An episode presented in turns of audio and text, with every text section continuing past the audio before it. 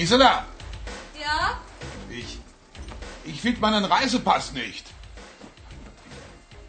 In der Brieftasche ist der auch nicht. Hast du den irgendwo gesehen? Woher soll ich denn wissen, wo du deinen Ausweis hingelegt hast, Schatz? Vielleicht äh, schau doch mal in der Kommode im Schlafzimmer nach. In der Kommode, ja.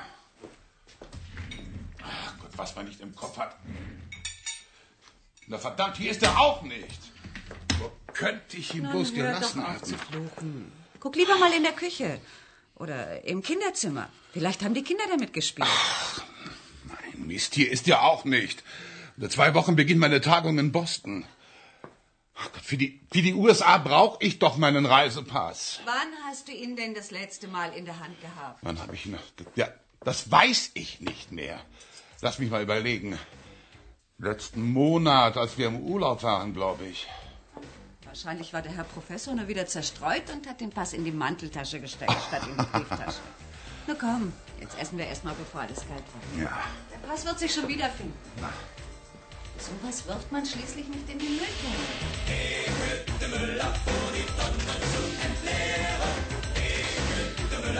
Noch vor zehn Jahren gab es praktisch keine Möglichkeit, versehentlich Weggeworfenes wiederzufinden. Was einmal in der Mülltonne lag und von den Müllmännern abgeholt wurde, war weg. Auch Wertvolles wie Geld und Schecks, Schmuck und Schlüssel. Oder, wie eben gehört, ein Reisepass.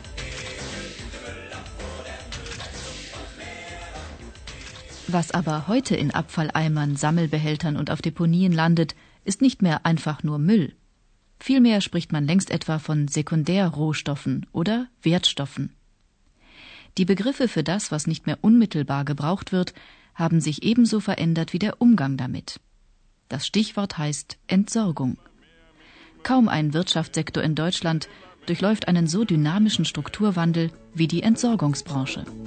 Alles, was der Mensch nicht will, tut er einfach in den Müll. Bis vor 20 Jahren war Müll für die meisten Leute nur Abfall, Dreck und Unrat, der einmal pro Woche von der Müllabfuhr abgeholt wurde. Das ist mehr als mancher denkt. Und weil keiner daran hängt, nimmt ihn auch kein Arzt geschenkt. Plastikfolien, verschmutztes Papier, stinkende Essensreste, verbrauchte Batterien, Dosen, Glas, aluminiumbeschichtete Verpackungen. Im Haushaltsmüll fanden sich nahezu alle Überbleibsel einer Wohlstandsgesellschaft. Darum wurde das bisher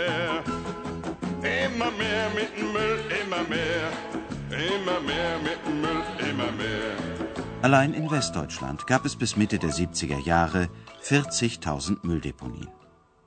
Außerhalb der Stadtzentren entstanden sogenannte wilde Müllkippen. Man buddelte einfach Löcher in die Erde, in die, mehr oder weniger unkontrolliert, die Abfälle zunächst hinein, später obendrauf gekippt wurden. Die Müllberge wuchsen und damit die Probleme, denn allmählich wurden die Flächen knapp.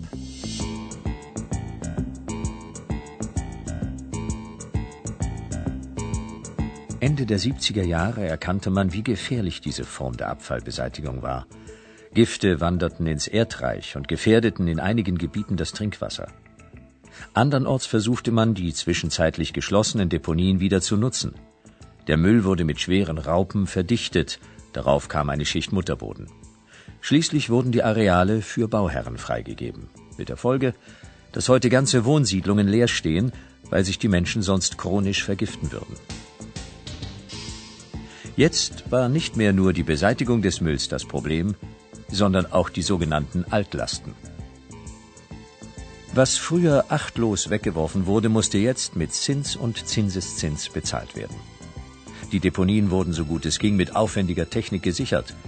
Wo das technisch nicht möglich war, wurden kurzerhand Stahlplatten in den Boden gerammt und Schilder mit der Aufschrift Betreten verboten aufgestellt. Eine Zeit lang glaubten Lokalpolitiker, mit Verbrennungsanlagen sei dem Problem beizukommen.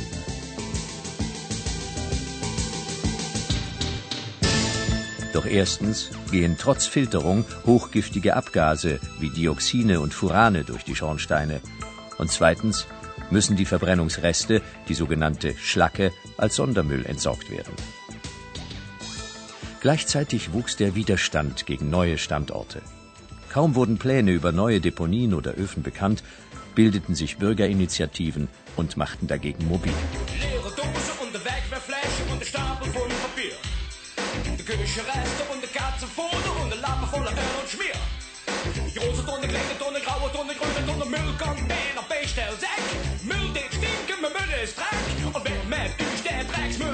In den 70er Jahren entstanden in Deutschland Umweltschutzbewegungen.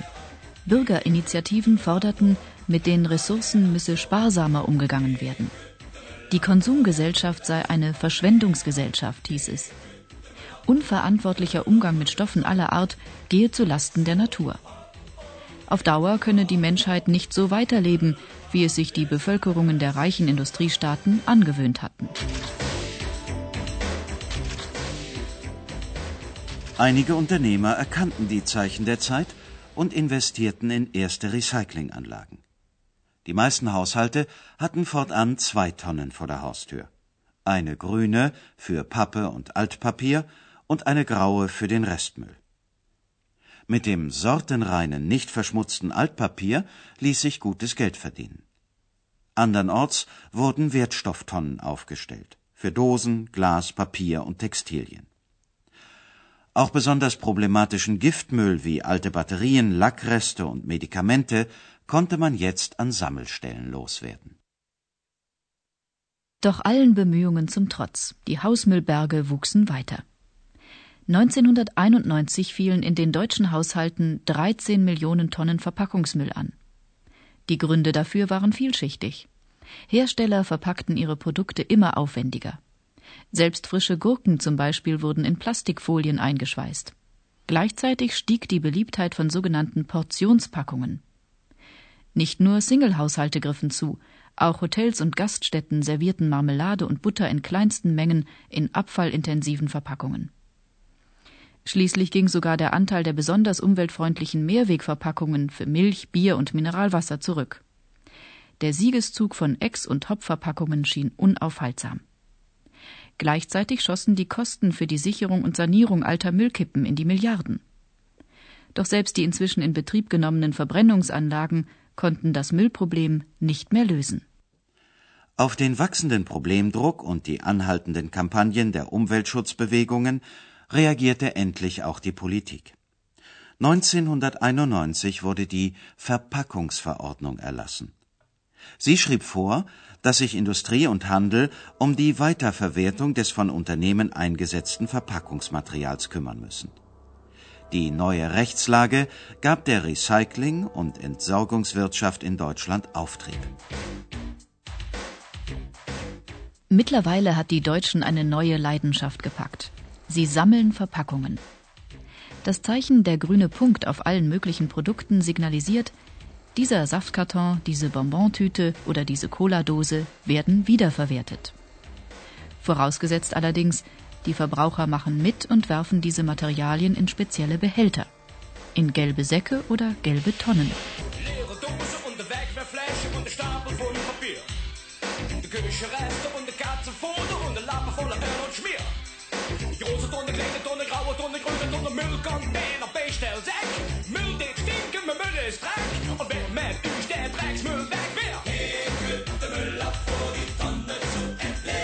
Die Firma Trinikens beispielsweise sammelt im Auftrag zahlreicher Städte und Gemeinden die Verpackungsabfälle und verdient offensichtlich nicht schlecht dabei. Ihre 4000 Mitarbeiter erzielen einen Umsatz von 1,4 Milliarden Mark pro Jahr. Im rheinländischen Neuss betreibt das Unternehmen eine moderne Sortieranlage. Pressesprecherin Christiane Helmholt erläutert den Arbeitsablauf.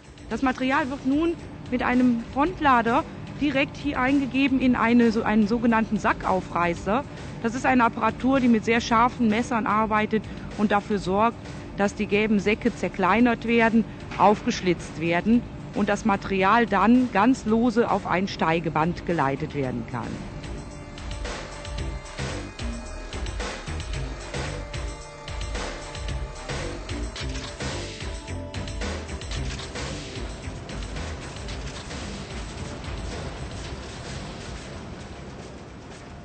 Über dieses Förderband gelangen die Verpackungen in ein großes Trommelsieb. Dort werden zunächst großvolumige Teile und Folien aussortiert. Die Folien werden anschließend zu Ballen gepresst. Die restlichen Wertstoffe gelangen dann zum Metallabscheider. Ein Elektromagnet zieht alle Eisenmetallteile heraus. Für das aussortierte Weißblech gibt es entweder die Möglichkeit, wie wir es gerade vor uns sehen, dass es in einem sehr großen Container gelagert wird und dann mit Hilfe einer sehr schweren Presse verpresst wird. Es gibt natürlich auch die Möglichkeit, direkt in kleinen Ballenpressen das aussortierte Weißblech zu handlichen kleinen Ballen zu verarbeiten. Das Weißblech geht von hier aus direkt zum Verwertungsbetrieb. Das ist in diesem Fall die Thyssen Stahlhütte in Duisburg.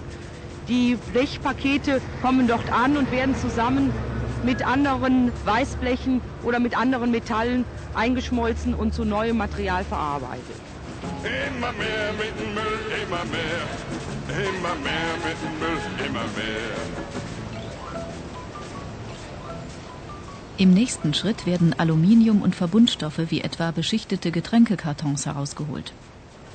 Auf dem folgenden Sortierband werden Flaschen, Becher und Styropor gesammelt. Nachdem bisher die Technik also sehr gut für uns sortiert hat, ist es dann im nächsten Schritt schon nötig, dass auch Hand angelegt wird. Wir haben hier in unserer Anlage 14 Sortierkräfte, die im Zwei-Schicht-Betrieb von morgens um 6 bis abends um 22 Uhr Materialien aus den gelben Säcken und gelben Tonnen sortieren. Es handelt sich hierbei um Materialien, die nicht mit Hilfe einer Technik bisher sortiert werden können. Das sind beispielsweise Plastikflaschen, Die Küchenreste und eine Katzenfoto und eine Lappe voller Öl und Schmier. Die große Tonne, kleine Tonne, graue Tonne, grüne Tonne, Müllcontainer, Bestellsäck. Müll, den stinken, mein Müll ist Dreck. Und wer mit uns der Drecksmüll weg der Müll ab vor die Tonne zu entleeren. So fanden Arbeiter in der Neusser Anlage Munition unterschiedlichen Kalibers. Sogar eine Panzerfaust tauchte aus einem Verpackungsberg auf. Auch die Kriminalpolizei war schon da. In einem Mordfall suchten Polizeihunde nach Kleidungsstücken des Täters. Die Vierbeiner wurden tatsächlich fündig. Anhand der chemischen Analyse der blutverschmierten Kleidung konnte der Täter dingfest gemacht werden.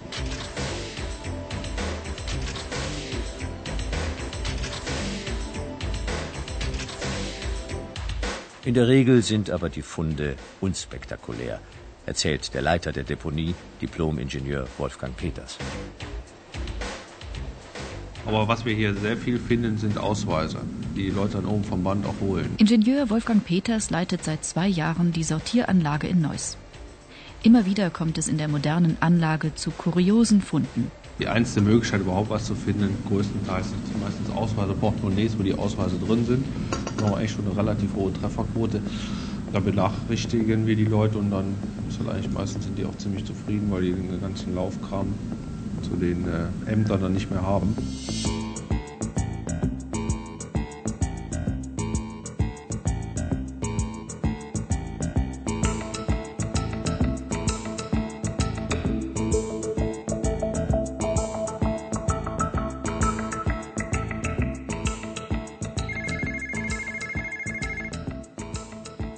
Auch unser zerstreuter Professor hat Glück. Drei Tage nachdem er den Verlust seines Reisepasses bemerkt hat, klingelt das Telefon.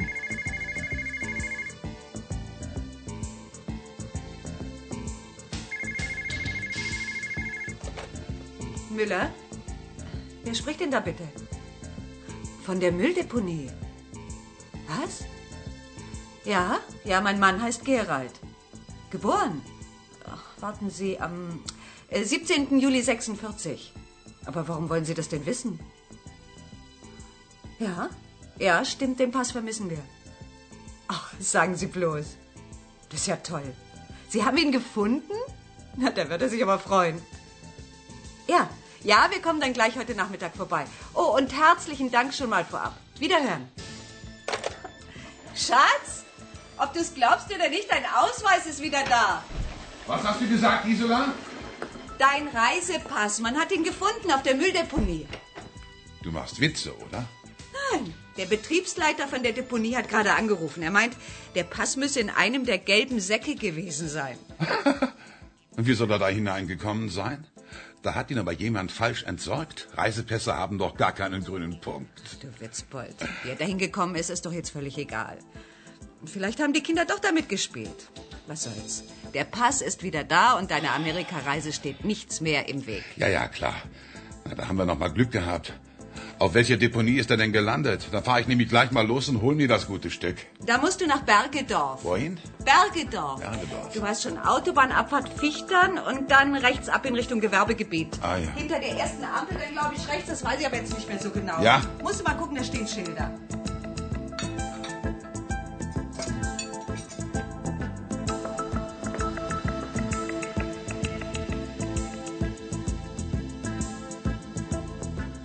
1991 hatte der Gesetzgeber, wie wir gehört haben, den ersten Schritt gemacht und die sogenannte Verpackungsverordnung erlassen. Hersteller und Händler müssen seitdem gebrauchte Verpackungen zurücknehmen und für die Wiederverwertung sorgen.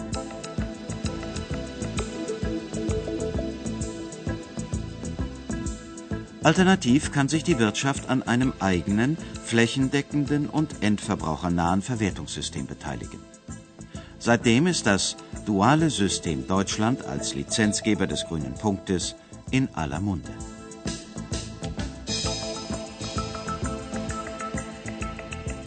Rund 600 Gesellschafter haben sich an dem Unternehmen Duales System beteiligt.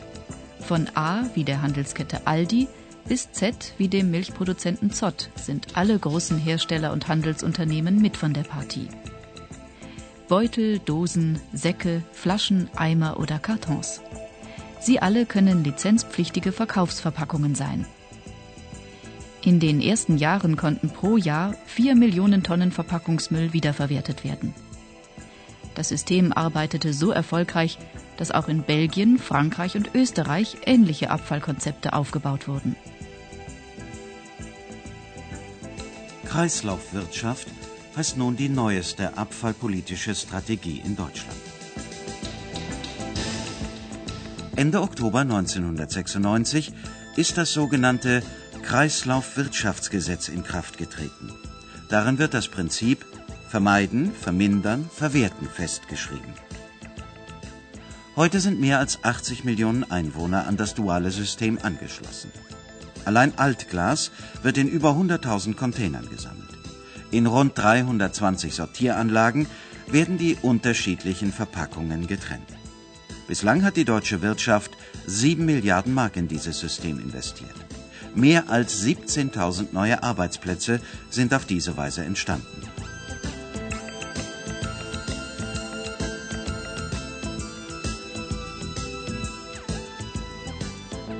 Und die Chancen für eine weitere positive Entwicklung stehen gut für weniger Müll, also eine bessere Umweltsituation und viele neue Jobs.